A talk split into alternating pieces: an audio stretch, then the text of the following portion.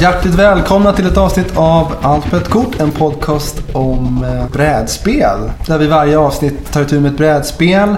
Vi eh, plockar fram det, vi diskuterar det, vi, Vi spelar det. det, vi tittar på det, tittar på varandra. Den som förlorar gnisslar tänder, den som vinner är lite segerrusig men försöker ändå, så här, ändå för artighetens skull hålla sig på en dräglig nivå. Har vi alla förlorat mot brädet så är vi alla lite bittra. Men vi spelar oss igenom dagarna. Ja, det gör vi. Och eh, vi som sitter och pratar då, det är eh, den fantastiska Anders, Hallå? den strålande Per That's me. och jag, den onda härskaren. Ja, det är jag, Tobias, som, som sitter där och Kan du åtminstone lå- för- försöka låta lite mer ondskefull då? Ja, jag ska jobba på det. Ja, Som ni märkte så har jag redan börjat smörja er lite sådär. Ja, Smickra er. just det. För att, bara kunna, för att bara kunna få kniven att sitta så mycket djupare i ryggen sen när spelet är framme. Ja, så kan det också bli. Jag vet inte vad, vad du Nej. tänker där. Nej, det är kanske inget som funkar. Det känns onödigt. Men nu efter lite uppehåll har vi plockat fram Kemet. Ja, Det egyptiska konfliktspelet. jajamensan. Är det någon som vet vad kemet betyder? Ingen aning. Det egyptiska an- anfallsspelet. Ja, har du någon koll? Nej, det var otur faktiskt om ni inte visste. Ja, Okej, jag trodde du skulle ha någon sån Kanske en snabb, skalman. snabb googling. Ja, ja, jag hade hoppats på ett skalman-ögonblick där, men Ja. Google funkar också. Men jag kände när jag ställde Fort! frågan. Är det någon som har gröngöringsboken här i närheten? Ja, gud, ja, den ville man gärna ha när man var för liten. fan. Ja, för fan. Om, om jag ändå hade haft den, liksom, då hade min barndom varit mindre tragisk. Då hade, Det- då hade du inte suttit här. Precis! då hade jag sluppit det här! Ja, Då hade jag kunnat ta ett nu har riktigt jag jobb. hittat det faktiskt. Ja. Eller jag kan ju klippa så att, så att jag kan det på en gång. Nej, nej, nej, jag tycker du ska behålla det här. Jo, det ska jag tala om för. Det betyder det svarta landet, eller den svarta jorden. Mhm. Inhemskt namn på eh, kungadömet som uppstod i forntida Egypten. Jaha. Cirka 3000 före Kristus då. Men, eh, men Svarta landet sa du? Ja, det syftar alltså på Svarte jord? eh, Nildeltat. Jaha. Ja, Det låter lite grann som någon slags scorched earth uh, jag tror det ska vara grej. bördigt. Bördigt till Tror med. jag. Att det ska vara så svart och Okej, så det är, svart inte, fuktig det, mylla. det är liksom. inte svart av liksom explosioner och Ja, I det här spelet gigantiska, gigantiska skalbaggar och skorpioner. Ja, ja, ja, men eh, fan vad kunnig du är Ja, Tobias. men Ja. eh, tack. liksom, wow, fan, var- Du bara tar det här från huvudet fram liksom. Du rockärmen. Ja, nej, men egyptisk mytologi är verkligen mitt eh, Ja, men vad fan, det Ja. märks. Fan. Och det ska sägas direkt att det här är en extremrealistisk Egyptien-tolkning med eh, obelisker spridda över landet som man Mm. kan teleportera sig med. Vilket ju som bekant redan de gamla egyptierna hade. Som, De var så jävla De var långt före oss, Ja, och, eh, det är så mycket som har gått gudar, förlorat. Det är gigantiska ormar, gigantiska sfinxer, mumier som är tre gånger så stora som vanliga människor. Som med andra ord är häpnadsväckande realistiskt. Mm. Nej, Ja. men det är väldigt fint. Egyptisk mytologi är väl inget som vi har supermycket kunskap om. Men jag tror att mycket är hämtat därifrån. Ja, De här man- gudarna och grejer. Eller också är det bara helt påhittat. Någon slags rock'n'roll-version av allting. Nej, men jag tycker man känner igen, man spelar ju gudar här som har bestämt sig för att man har suttit i, i sitt lilla Pantheon och skrävlat ah, fan jag är den största guden. Nej, nej, nej, jag är den största guden. Vad fan säger jag? Är den största guden. Och vad, vad gör man? Kom, Det enda... kom då. Ja precis, kom de. Och till slut kom de allihopa Ja. till Egyptien för att göra upp till mänsklighetens eviga sorg. Ja. Och det är väl, ja, det är Horus, Ra och Isis och ja, Bob. Ah, ah, Bob och alla de andra typerna. Så det är lite krokodiler och schakaler och någon slags konstig katt med adamantiumklor som jag inte är helt säker på är autentisk. Men Och vingar. Bubastis Och kanske vingar. Ja. En rock'n'roll-version av Bubastis Ja, kanske. eller nej, det kanske bara är hennes käpp som det är lite vinge på. Ja. Hur som helst så tycker jag att det är ändå en ganska frisk fläkt. Det är inte Det det, här standard fantasy stereotypiska middle of the road grejen. Nej, precis, Det det är är- någonting eget ändå. Ja, det är ingen evig medeltid liksom. Som någon har saltat lite orcher över för att få det att kännas spännande. Nej, jätterolig tematik, jättefint spel. Ja. Vilket ju som vanligt inte kommer framgå i podcasten, men ni kan bildgoogla. Ja, det kan man göra. Vi har också gjort en eh, unboxing av det här spelet faktiskt. Ja, jag såg om man, den. om man har den böjelsen kan man Ja. jättegärna kolla in den. Höra hur boxen öppnas under tungt flåsande. Ja, jag, var, jag blev väldigt mycket upphetsad av det här plasten som slets från... Ja, men det, det boxen. glädjer mig. Ja, det glädjer jag, mig. jag, såg, jag såg den faktiskt, Det liksom, alldeles nyss. Ja. Men man har varsin stad här som Ja. spelare. En väldigt rolig och fin detalj här är ju att kartan som det utspelar sig på är um, Beroende på hur många man är så kan man liksom vända på spelplanen för att få fram en version som antingen är anpassad för ett jämnt antal spelare eller tvärtom en version som är anpassad för ett udda antal spelare. Ja, är man bara tre, som vi är nu då, det gamla vanliga podcast-crewet, så är um, halva spelplanen nedlåst. Så det påminner väl lite om till exempel Game of Thrones brädspelet kanske. Ja, Så precis. Fast en lite mer kanske rättvis eh, uppdelning av territorium. Alltså, Jag det är alltid det. lika långt till alla motståndare. Precis, för att Game of Thrones, även om det är ett fantastiskt spel så är man till exempel fem spelare så är det väldigt gynnsamt att börja i det bördiga södern. Ja. Man behöver inte kämpa sig fram emot så många men här är det, det är total rättvisa. Alla städer ligger lika nära varandra för plundring. Även fast det inte ser ut så. Ja, det gör det faktiskt verkligen inte. Men Så så, det- är det. Ingen, ingen går säker Ja. när gudarna är ute och slåss. Mycket ergonomisk eh, karta. Mm, det har vi lärt. Men eh, som sagt det finns obelisker där man kan teleportera sig och göra lite sneaky attacker. Mm. Och det finns tempel att inta, några stycken. Och det Och kanske viktigaste, man har eh, pyramider.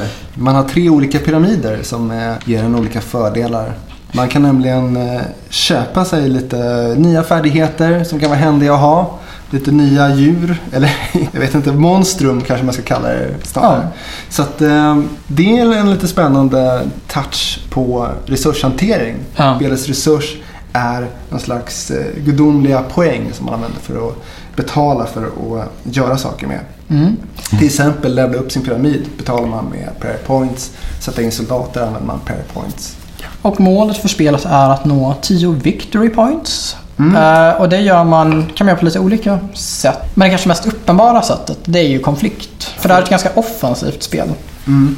Den som anfaller och vinner en strid får en victory point.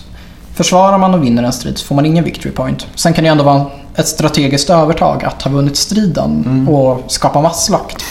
Men det är ett spel som uppmuntrar till hänsynslöshet. Liksom. Mm. Ja. Men det finns lite andra sätt också som intar de här templerna som är värdefulla men väldigt åtrådda också. Så man får vara beredd att försvara dem när man väl har intagit dem. Exakt, och man kan även eh, köpa till sig poäng genom eh, de här pyramiderna. Då. Så att det finns lite andra vägar till att få de här victory pointsen. Men det är först och främst attacker som det kommer ticka in på. Mm. Ja. Och eh, man kan ju bara säga också att alla har varsin stridslek. Som återigen för tankarna för mig till Game of Thrones-brädspelet. Så tillvida att det finns lite stridsvärden där. Man väljer två kort vid varje konflikt. Ett som ska slängas och ett som spelas. Mm. Och när man har bränt hela sin hand så får man upp hela kortleken på handen igen. Så att det är väl det som för tankarna till Game of Thrones då kanske. Men även att det finns ju lite strategiska avväganden där att ibland kanske man inte är så intresserad av att vinna striden utan snarare minimera förlusten. Mm. Och ibland vill man skapa masslakt och ond död. Ibland, alltid. ja, men det är sant. Ja, men jag tycker det känns som en frisk fläkt att attack är sån stark fokus i Kemet. För oftast kan man vara lite sådär uh, varsam med just att attackera varandra. Mm. Och sådär. Man, man kan vara nästan ursäktande när man går till anfall. Så här. Men Mesig. Lite mesig kan man kanske också kalla det. Jo, men... Eh, men i det här så är det helt skamfritt. Bara attackera höger, vänster. Eller vi får väl se. Det, kanske kanske- kommer ta jätteilla upp och det kommer vara tårar. Ja, just det. Ett gäng, ett gäng egyptiska gudar med darrande underläppar som vill dricka ört till och reda ut kring det hela. Oh, Per slog mig. Ja, men förhoppningsvis blir det inte så. Förhoppningsvis blir det faraoner som rider ut i strid, mumier som kommer skrikandes och sprider rök och pest omkring sig. Sfinxer som vrålar mot solen. Jag tycker vi... Ja, vi håller tummarna. Jag tycker det är dags att dra sablarna. Och Ja. Det är dags att sadla skalbaggen. Det var en bra metafor. Den gillar jag. Jag vet inte vad det är för metafor. Nej, jag vet inte. Men det var väl en bra metafor för att spela Kemet. Ja. Nej, Kemet. Sorry. Ja, och Biktbåset kommer komma tillbaka på begäran av eh, den gode Peder Bergenvall. Jag eh, hörde mig för om folk hade några frågor om Kemet eller om det var Mm. något de undrade inför den här podcasten. Då. Och eh, gensvaret blev väl inte sådär jordskredartat. Men eh, Peder undrade också om eh, hur det här jämför sig med till exempel eh, Clash of Culture som vi körde tidigare och Mm. Civilization. Och på rak arm utan att vi har spelat det så kan man säga att det är, skiljer sig Enormt. Ja, det gör nog det. För att det här är så otroligt fokuserat på just konflikt, på Mm. just attack. Medan de andra spelen finns det andra vägar att gå. Liksom. Man, Ja. man kan täcka sig fram och man behöver nödvändigtvis inte slåss. Nej, det går bra att odla sin egen trädgård. Så länge man har sett till att omge sin trädgård med en jävligt hög mur med spjut. Men det... Ja, men Clash of Cultures. Jag har ju den bilden också att där kan det finnas en poäng i att kohandla lite, att ha lite så här terrorbalans. Det känns som här kommer ju varje försök att förhandla bara leda till att folk ser dig som en... Mes. Ja, jo men enkla victory points liksom. Det... Jag kan ha fel, men det verkar inbyggt i spelet. Jag tror det här rusar på på ett annat sätt. Ja. Jag tror det. Det är ju ett eh, lättare krigsspel kan man säga. Och eh, det säger jag med den största entusiasm. För att jag tycker Jo. att eh, fler sådana spel skulle fall jag uppskatta.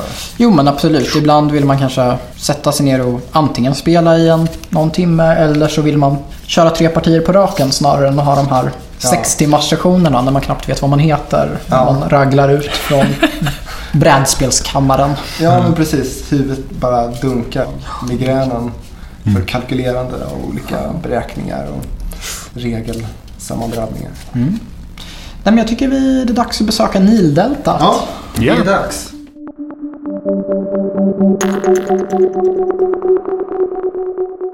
Ja, då är det Per kvar här i viktbåset.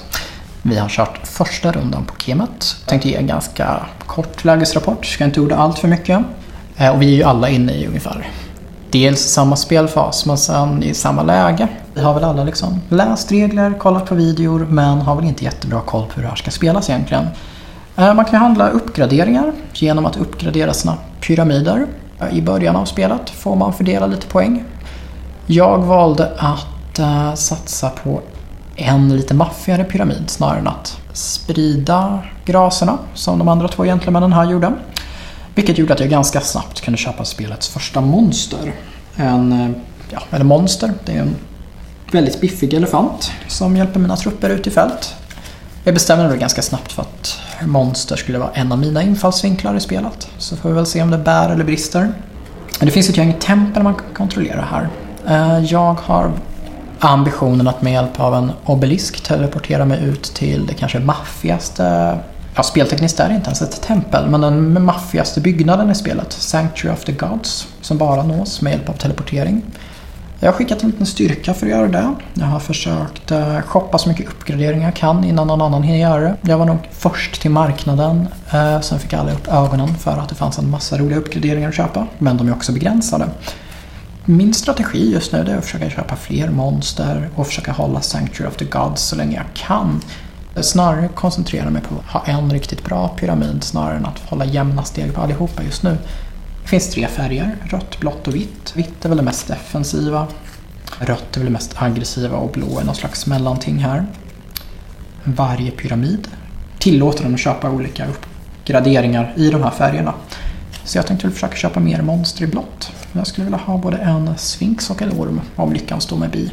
Men eh, det här är ju ett konfliktspel så det kommer det helt säkert inte göra. Men eh, monster och koncentrera sig på att skydda den här väldigt värdefulla pyramiden. Det är mina två planer. Första rundan avklarad av Kemet och det har väl inte varit så hemskt mycket action än så länge direkt utan eh, vi har mest eh, koncentrerat oss på att eh, levla våra pyramider och skaffat oss husdjur. Per han knep ju elefanten här på en gång. Känns som att han hade en eh, strategi där direkt. Att han, han ville ha elefanten. Så att han började med en eh, level 2 pyramid så att han direkt skulle kunna köpa en. Själv så riktade jag in mig på skalbaggen. Vet inte riktigt varför. Ärligt talat var det ett ganska estetiskt beslut. Men skalbaggen verkar i och för sig kunna rocka. Skalbaggen kan gå två extra steg. Skalbaggen ger mig två extra poäng i fighter och sådär. Så, hmm, vad gjorde jag för någonting då? Jo, jag tog ett eh, tempel med skalbaggen som gav mig en temporär victory point, gav mig lite mer sådana här prayer points resursen då i spelet som man betalar med. Så att, eh, för tillfället håller jag eh, templet. Per har rört sig lite försiktigt med elefanten och tre ängsliga små grödingar. Eh, vad som ser ut att vara mot Andy, men det kan ju alltså lika gärna vara mot mig förstås. Fan också. Eh, ja, vi får se vad som händer. Min plan är väl att vänta in de andra helt enkelt den här gången. Japp. Nu kommer Andy här för att säga hur han upplevde den här omgången.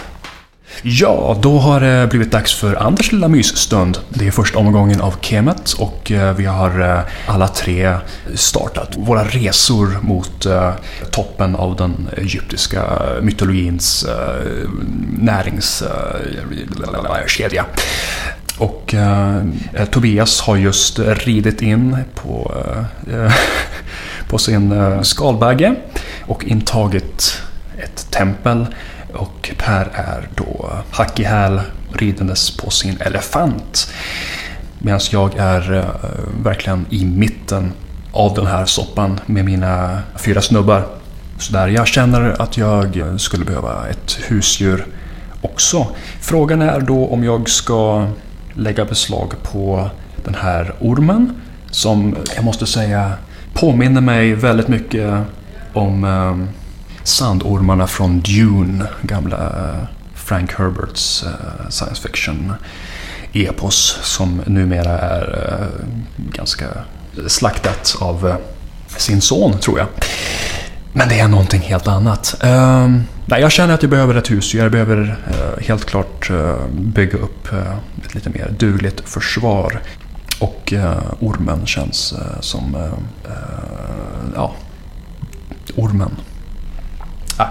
Prioritet, skaffa orm. Prioritet två, jag vet inte, inta ett tempel tror jag. Som sagt, Tobias eh, har redan eh, har överraskat oss genom att rida in och inta ett tempel. Jag eh, vill också ha ett tempel.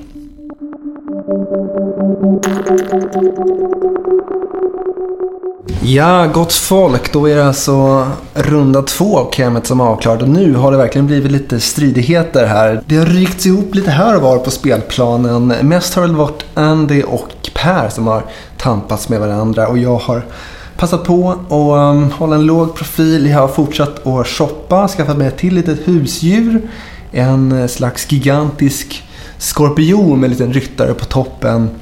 Jag har ju varit sist i alla rundan här så att eh, det har varit eh, ganska bekvämt eh, just för att jag har den här inväntande spelstilen.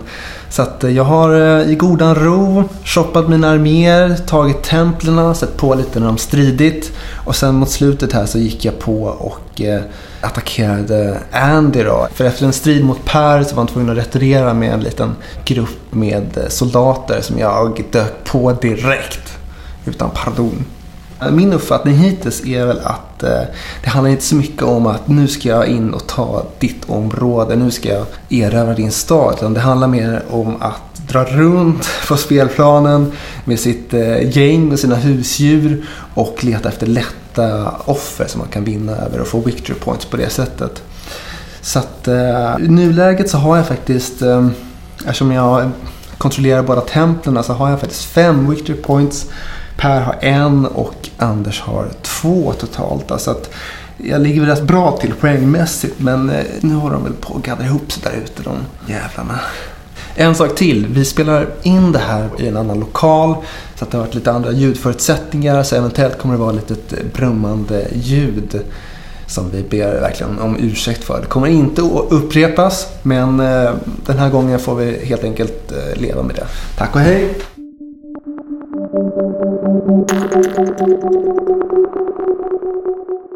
Det har varit ganska frenetiskt huggande här. Eh, Tobias befinner sig inne i min stad med en otäck skarabé och lite trupper. Vi har haft några skärmytslingar. Eh, även Andy, jag tog ett av templen här tillfälligtvis men blev bortdriven precis innan slutet där av Andys. Som till slut har skaffat ett monster också. Annars är det jag och Tobias som har monstershoppat. Jag springer ju runt med min orm och min elefant här och Tobias har både en, någon form av fenixfågel, skorpion och skarabé. Ja, nej, jag vet inte riktigt hur jag ska sammanfatta det. Det känns ju som att allt Wellerstrid har ju gått mig ganska mycket emot. Eh, så jag har blivit nerhuggen ganska rejält. Min nuvarande fokus är väl dels egentligen att driva ut Tobias ur min stad. Vilket jag väl kommer göra inom någon runda. För nu har jag väl ändå försökt få igång en trupprekrytering lite. Men det är väl det jag måste göra mer. Tyvärr tror jag nog att det är ganska kört för mig. Jag har två victory points. Um, Tobias håller för närvarande ehm, fem victory points bör det väl vara om jag ser rätt. Det känns som att det står mellan honom eller Andy som är uppe i fem victory points också. Vi kan ha fel, jag vet inte. Jag, får väl, jag ska försöka få till stånd ett par konflikter som jag är garanterad att vinna. För då, då ramlar ju victory points in. Men jag kan ha fel. Nej, det ser inte så ljust ut här. Skulle väl kunna försöka skaffa ett monster till eller uppgradera mina pyramider. Men det känns lite som att jag är i ständig defens just nu. Kommer gå till anfall, men vi får se. Jag har ju försökt uppgradera mina styrkor ganska mycket med stridsvärden och grejer. Men det har liksom inte riktigt hjälpt.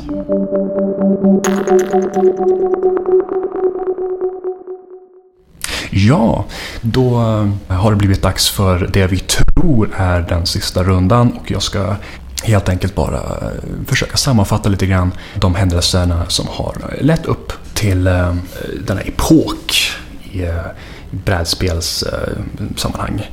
Eller vad man nu säger. Eh, Tobias leder med eh, 8 poäng.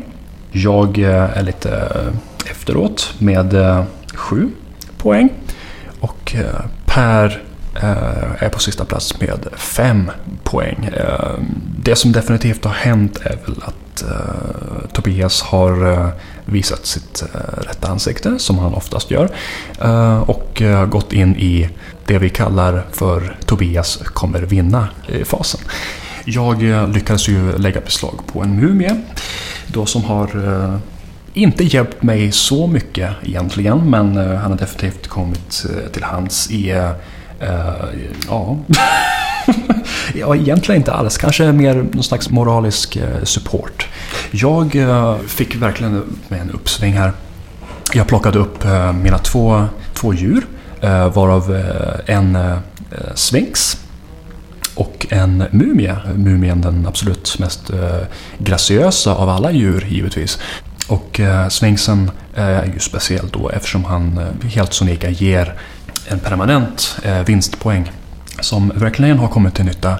Som jag sa, jag är på en stabil, hoppas jag, andra plats ehm, och det är förhoppningsvis det jag kommer att vara på.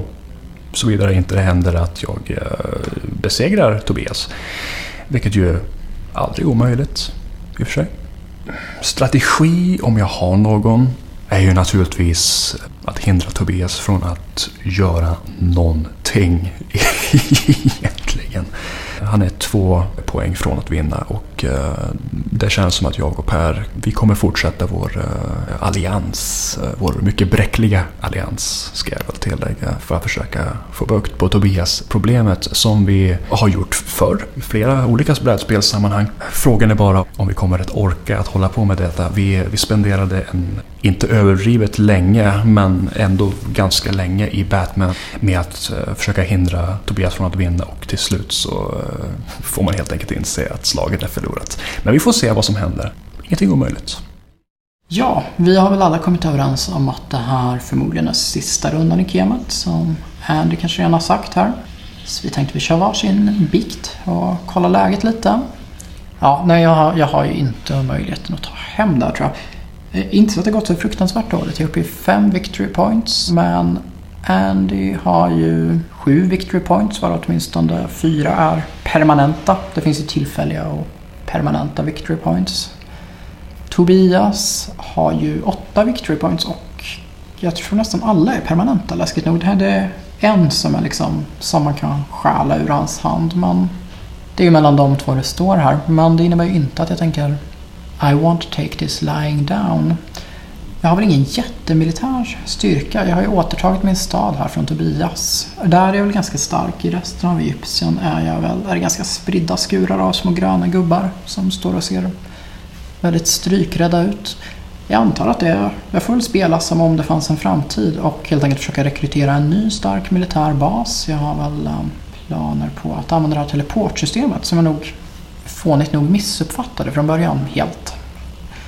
Men nu när jag har fått lära mig hur det funkar så kan det säkert finnas en eller annan otäck överraskning för mina motspelare att vänta. Jag försöker spela som om det fanns en morgondag helt enkelt. Och bjuda så mycket stolt motstånd jag bara kan. Sista skälvande rundan av Kemet. Och eh, det går rätt så bra måste jag säga.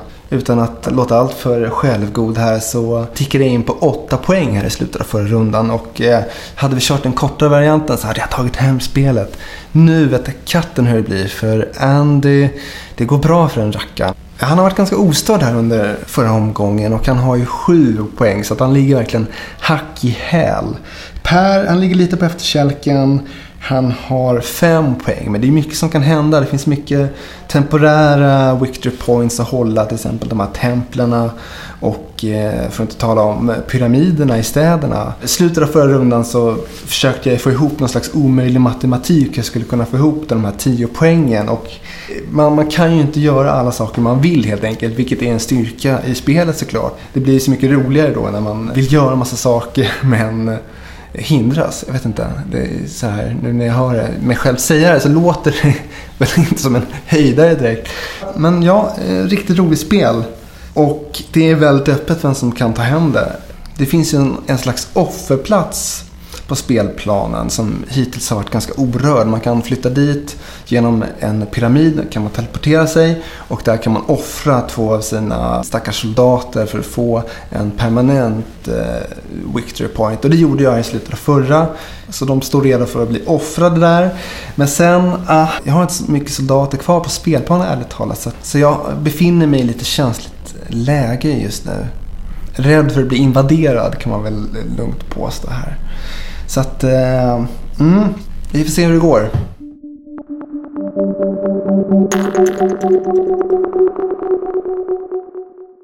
Ja, gott folk. Då är spelomgången slut och det blev en minst sagt oväntad vändning av Mr Per Slaktaren Klingberg. Eller kanske Ja. inte slaktaren utan mer den Ränksmidaren Klingberg. ränksmidaren Klingberg som Ja. liksom virade Andy runt sitt lillfinger. Skulle Är det, kunna säga. är det din beskrivning av händer också Andy? Jag uppfattar det som att Tobias var uppe i 10 poäng men det här måste man hålla mot slutet av rundan. Jag uppfattar det lite som att Andy och jag bedrev ett ansvarsfullt samarbete för att hålla Tobias borta från Ja. segerpokalen. Ja, som sagt jag mycket nöjd med min beslutsamhet att försöka segra med högburet huvud. För det, eller förlåt, jag gick in för att förlora med högburet huvud. Men det ledde lite osannolikt nog till att jag fick exakt 10 poäng vid slutet. En eh, fantastisk bedrift måste jag säga. Jag är Ja, imponerad. Ja, Eh, tack, tack. Det var ju en ganska laddad slutstrid här när jag skickade mina styrkor där. Jag hade glömt bort din specialeffekt att du fick plus ett i styrka för varje kort som du slängde. Så att det blev en, eh, en 9-9 och vid lika vinner försvararen. Så det var någon sån här fin liten förhistorisk Rambo-scen där en grön soldat slog tillbaka en fågel Fenix och fyra gula arga egyptier i plast. Ja.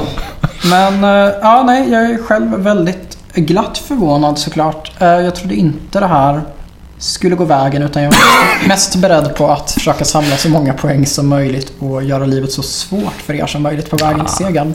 Nu är du blygsam. ja, det kändes väldigt uträknat alltså. Ja, ja, ja. Ja, nej men jag är bara en glad spelman. Vad säger du Anders? Du, du var ju också en stor favorit. Ja, jag Ja, ja, ja. trodde lite på dig faktiskt. Jaha, att jag skulle, okej. um, ja men du, grejen var att... Ja, förlåt, du kan ju få prata själv. Nej, prata åt mig. Nej men det känns som att du, eh, du arbetar lite mer i fördolda. Att Tobias fanns tidigt som ett hot medan dina pyramider tickade på ganska snabbt. Ja, Du är väl den enda av oss som har maxat alla dina pyramider. För man får ju en victory point varje gång man kommer upp till nivå 4 på sin pyramid, vilket är den högsta nivån. Och Andy, du är den enda som har kommit så långt. Vi har lite mer blygsam spridning. som jag sa i eh, mitt eh, fantastiska biktbåsande Ja. så, så räknade jag ganska kallt med att eh, bli en tvåa helt enkelt. Efter antingen Tobias eller dig Per. Då trodde jag faktiskt att Tobias skulle ta hem det. Ja, Eh, och det var väl kanske därför som jag fokuserade mina, mina trupper på att försöka hindra Tobias från att vinna. Det tog nog lång tid innan jag fattade att jag kunde komma upp i 10 och det känns som att när någon faktiskt har kommit upp i 10 poäng Mm.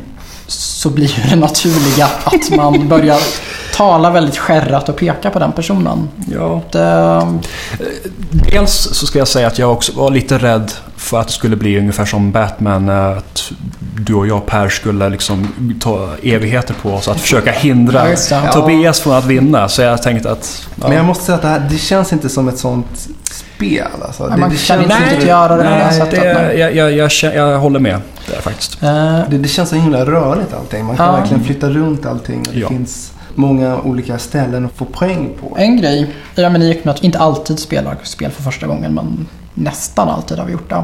Ja. Spel som är helt nya för oss. Så har man ju fått komma på strategierna allt eftersom. Och Kemet känns ju som ett spel som jag tror jag har sagt om alla att jag vill spela om dem. Men kanske mer det här än många andra. För det känns som att det finns väldigt många sätt att spela på.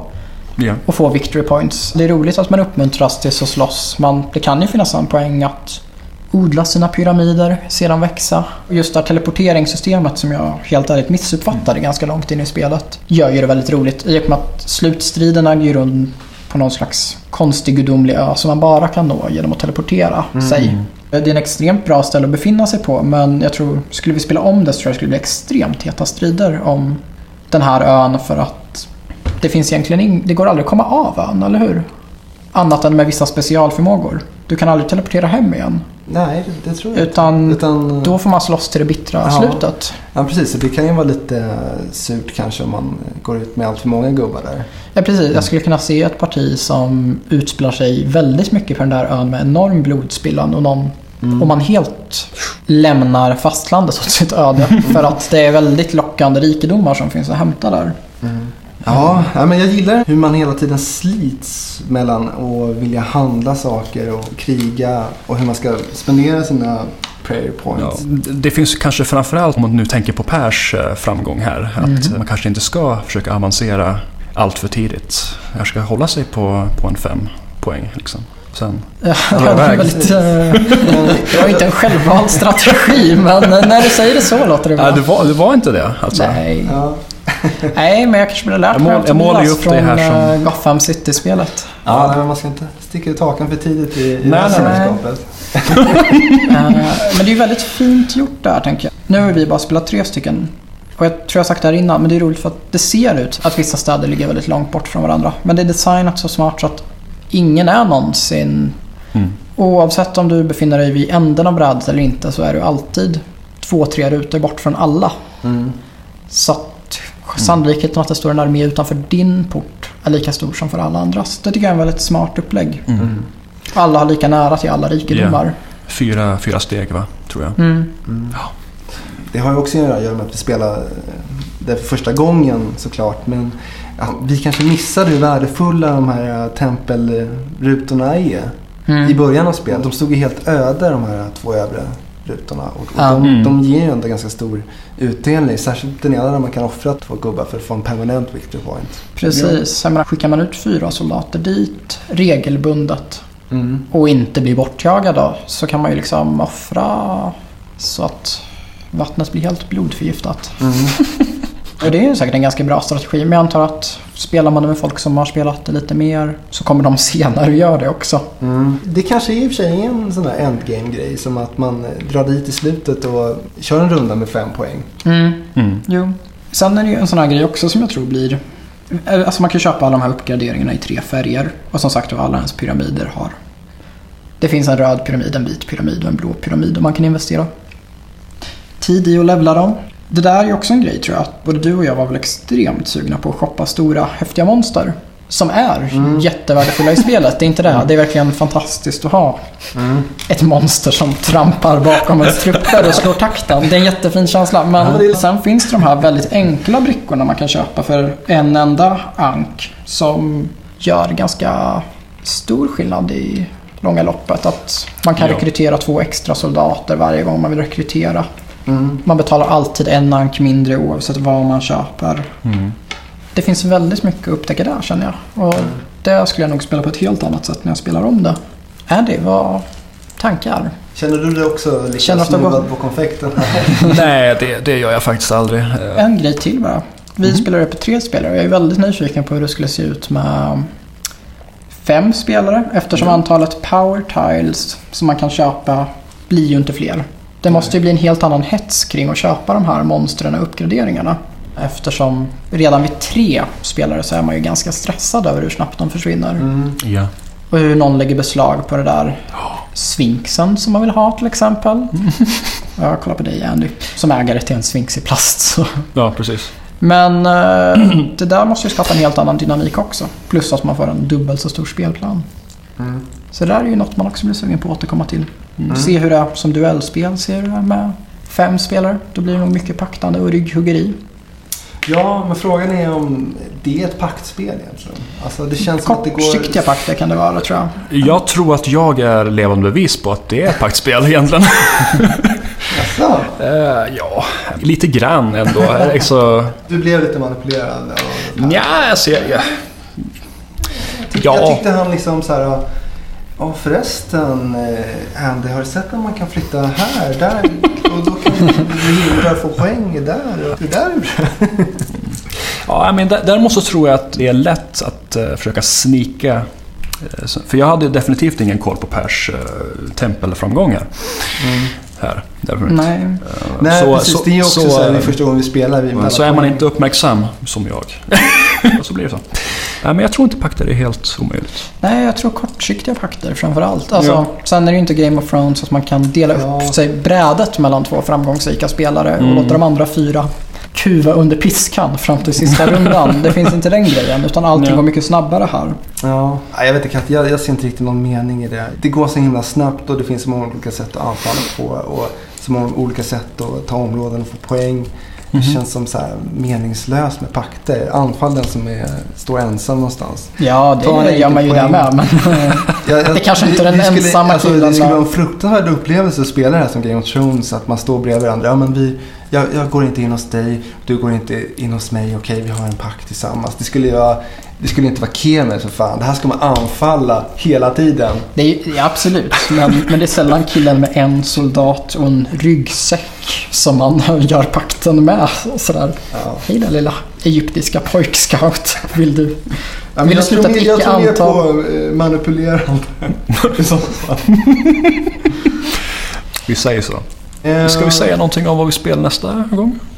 Ja, nästa omgång. Då blir det avsnitt nummer 10. Så då blir det på folkets eh, Begäran? begäran. Cosmic Encounter. Ja. Som vi tar itu med. Och kanske att vi får ta in någon eh, extra gäst då. För det känns som Cosmic Encounter på tre blir lite fattigt. Det blir ja. Ja, nej, men en riktig UFO-klassiker då. Till Ja. tionde avsnittet. Ja. Mm. Ser vi fram emot. ja. Och sen kan jag också passa på att lobba för eh, brädspelsdagen på Midsommargården som man är hjärtligt välkommen till. Som Ja. är om eh, den 4 maj. Jag vet inte exakt när den här podcasten kommer ges ut eller när det kommer lyssnas på. Kanske om några år. 2013 befinner. Ja. Jag vet redan. Den 4 maj på Midsommargården telefonplan. Kom dit. Spela med oss. Utmana Andy och Per. Pakta mot dem. Hugg dem i ryggen. Gör vad som helst. Kom och fika med oss åtminstone. Är inte Ja. jag. Ja, tack för att ni lyssnade. Vi ses nästa gång hörni ni. Det gör vi. Yes. Vi vinkar nu. Ni ser Ser inte, det? men vi, vi vinkar och ler. Och slicka sår. Okej, jag får, kanske får kliva bort.